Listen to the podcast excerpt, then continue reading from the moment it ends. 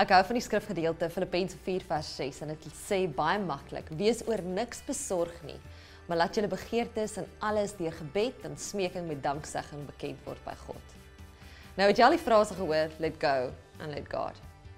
Om te laat gaan beteken nie noodwendig jy gee nie meer om nie. Dit beteken net jy kan nie meer iets daaromtrent doen nie. Om te laat gaan beteken jy gee vrees nie meer vat plek in jou siel nie. Om te laat gaan beteken jy staar die waarheid in die oë en jy gee God die reg om in te gryp. Om te laat gaan beteken jy skuif al die negatiewe kommentaar agter die rug en jy stel vir jouself in op wat God sê. Om te laat gaan laat jy toe om die stilte weer te geniet.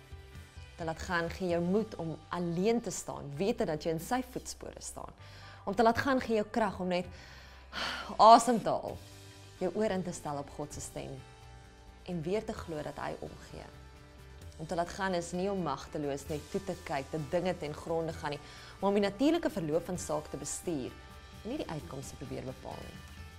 Om te laat gaan is om nie meer te oordeel, te aanvaar, te luister, nie raad te gee nie. Om te laat gaan is om ander nie reg te wys nie, te manipuleer of situasie te draai sodat jou pas nie.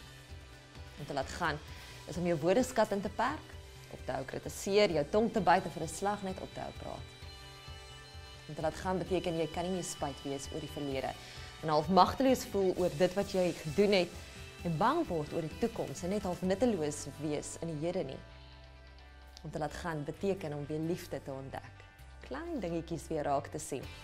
En die dag vir dag net weer iets te geniet.